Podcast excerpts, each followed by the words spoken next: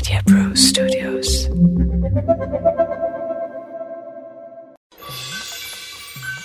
ए भाई कबो चलाक आदमी से चलाकी ना करे के चाही ना तो चलाक आदमी ऐसा अपन चलाकी दिखाई कि बीच सभा में बेज्जत हो जाए के पड़ी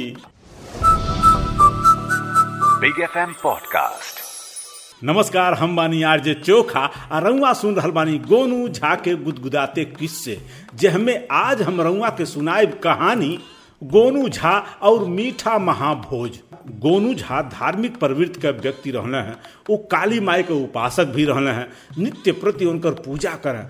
सारा गाँव यह कहे कि गोनू झा के ऊपर काली माई के विशेष कृपा बा, तब तो इतना बुद्धिमान बाड़न आ गाँव के लोग अपन छोट मोट समस्या लेके गोनू झा के पास आवत भी रहे, आ गोनू झा चुटकी में उस समस्या का समाधान कर देते रहे। जैसे कि अक्सर होला कि धन और कीर्ति बढ़ गईला के बाद कुछ ईर्ष्यालु लोग, जलन रखे वाला लोग भी बढ़ी जाने ऐसे ही गोनू झा के भी साथ भइल। गाँव के कुछ लोग उनका से भी द्वेष रखे लगले। बाकी गोनू झा के कोनो चिंता फ़िक्र ना रहे आ न केहू से डर रहे। वो अपन काम निकाल अच्छी तरीके से जानत रहे। काहे कि उनके बुद्धि के सामने अच्छा अच्छा विरोधी भी नतमस्तक हो जात रहे। गोनू झा के ब्याह के कुछ दिन बाद ही उनके माता का देहांत हो गए। अब अपने रीति रिवाज के अनुसार गोनू झा अच्छा तरीके से अपने माई के दाह संस्कार कैले गाँव में भोज के प्रथा का चलन रहा है। केहू पैदा होख, तब वो भोज, आ केहू मर जा, तब वो भोज। दोनों स्थिति में भोज तक कर ही के पड़त रहे। गोनू झा भी यह विचार कैले कि महतारी मरल बाणी तो उनकर क्रियाक्रम कई देवे ब्रह्म भोज वगैरह कई देवे जनता के भी खिया पिया देवे लेकिन उनकर विरोधी जैसे यही मौका के तलाश में रहना है विरोधी लोग मिल के एगो योजना बनैले कि कोनो कोनो तरह से गोनू झा के महाभोज खतिन उकसावल जा। सभे जने मिल के उनके घरे गईले रोले गईले, नाटक कैले देखावा कैले कि इहो लोग बड़ा दुखी बाड़े गोनू झा के माई के मरला से। आ फिर बात आपस में छेड़ धले झा जी माता जी के भोज का का विचार बा? झा जी कहले, विचार का बा भैया? जैसन हमार सामर्थ्य बा, ओही के अनुसार भोज करब। अब जौन प्रथा बा, ओके तो ना न तोड़ब। रंगुआ सही कह रहल बाणी झा जी वैसे भी रंगुआ तो ब्राह्मण आदमी है। आस पास के 25-30 गाँव में आवल जाइल बोल बा। आ कौनहू गाँव में कैसो भोज होखे? रउआ के पास निमंत्रण अइबो करेला। रउआ जाके भर पेट खइबो करेली। तबले तीसर का जानी वही टोकी दहले। भाई, अपने गोनू झा के प्रसिद्धि दूर दूर तक फैलल बा। सब तो एनही से राय लेवे आवेला। कोनो काम होला तो।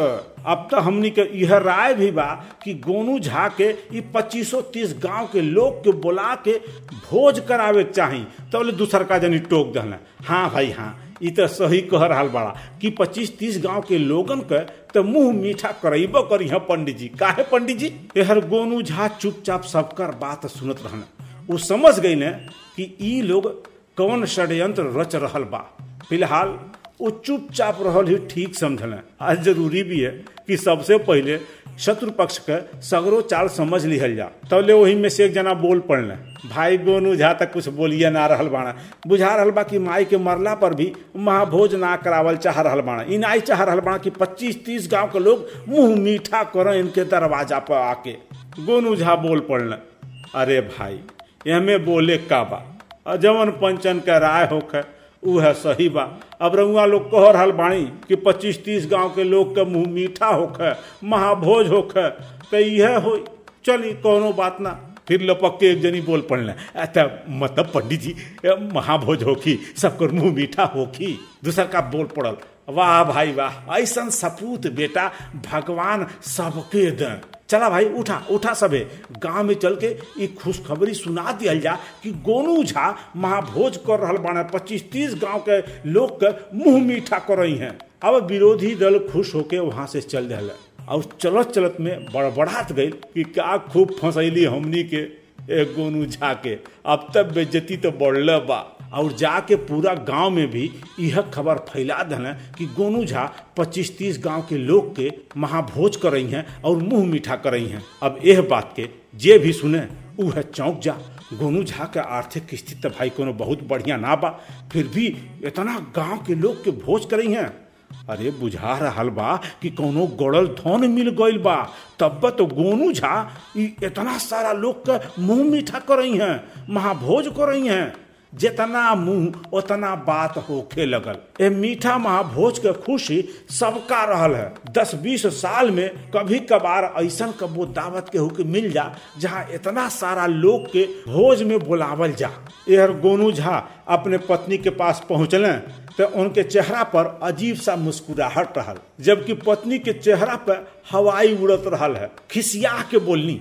ई का कहिए जी पच्चीस तीस गाँव के मीठा भोज करीबे एक खातिर हामी भर दली है। अरे घर में तो कुछ ना बा। कैसे खी में पीबे रंगा चाही होई वही कुछ बोल के चलिए उनका बड़बड़ाहट सुन के गोनू झा मुस्कुरात के अपने पत्नी से कहना ये भाई, ये हमार ना, ये तो ऊ लोग का योजना है। अब ऊ लोग जैसा सोचले बाड़ा वैसे हम करबे तू चिंता मत करा बेज्जती ना हो पाई। पत्नी मुस्कुरेलिन, अपने पति के तो जनता रहनी है। कि कोनो भी मुसीबत से वो कैसे निकल सकल और हर महाभोज के बाद गोनू झा के गाँव से निकल के बहुत गाँव में पहुँच गए। लोग शोक व्यक्त करे आवे लगल भीड़ बढ़े लगल। लोग गोनू झा का खूब तारीफ़ कर कि वाह गोनू झा, वाह। इतना सारा गाँव के लोग के मीठा महाभोज पे निमतले बाड़ा। और गोनू झा मंद मंद मुस्कुरात रहे। अब भाई भोज के दिन भी करीब आवत है। गोनू झा बाज़ार से बैलगाड़ी भर के पत्तल लेके अले अब तो कोनो शंका भी ना बचल रहा कि भोज ना हो पाई। भोज के एक दिन पहले 25 गाँव में निमंत्रण भेजल गए गोनू झा भोज के व्यवस्था खेत में कैले और सबसे अपील यह कैले कि ठीक ग्यारह बजे सभे जनी आ जइहा। अगले दिन प्रातः काल से ही भरौरा गाँव, यानी कि गोनू झा के गाँव में खाए आवे वालन के भीड़ शुरू हो गई। लोग भर भर के आवे लगल जहर देखा वहर आदमी आदमी नज़र आवत रहल और हर गोनू झा सबके एक तरफ़ से कतार में बैठावत गई और सबके सामने पत्तल रखत गई यहर विरोधी लोग आपस में भुनभुना भुनभुना बतिया में कि ये भाई न कहीं हलवाई बा, न कहीं भट्ठी जरत बा, न कहीं पूरी छनाता, न कहीं मिठाई बनता। ई भोज हो ही कैसे? अब भाई, हर बारह बजत बजत पच्चीस तीस गाँव के लोग इकट्ठा होके कतार में बैठल लाल सबके सामने पत्तल भी रखा गई अब सब यही इंतज़ार में रह कि मीठा परोसाई तो मुँह में फंकाई, आनंद लिहल जाई। तब ले गोनू झा आदेश कैले अपने मित्र लोगन के कि मीठा परोसल जा। परोसल भी शुरू हो गए लेकिन भाई, ई का पत्तल पर चार पाँच इंच के गन्ना का टुकड़ा परोसल जा रहा बा। खाए वाला चौक गई और विरोधी दल तो हक्का बक्का तब कुछ बुज़ुर्ग लोग के बड़ा गुस्सा आयल एकदम से खिसिया के गोनू झा के फटकर ले। गोनू झा ये सब का है? बेज्जत करे के हमनी के बोले बड़ा। दूसर का बुज़ुर्ग कहले, अरे जब तहरा अवकात ना रहल खेला पियला का, तब का करे खातिर इतना सारा गाँव के निमंत्रण भेज दला है? गोनू झा हाथ जोड़ के कहले, काका, रउआ खिसियाई ने। हमसे गलती कौन भइल बा? गन्ना ही तो परोसले बानी। और गन्ना सगरो मिठाई के मूल है। सारा मिठाई तो यही से न बनेला। का गन्ना के बिना कोनो मिठाई के बारे में हमनी के सोचू सकीना, कल्पना ना कर सकीला ना? तो अब ऐसे रउआ सबका मुँह मीठा हो जाई। ए हमारे रउआ लोग जल्दी से मुँह मीठा करी ताकि हमारे माई के आत्मा के शांति मिले।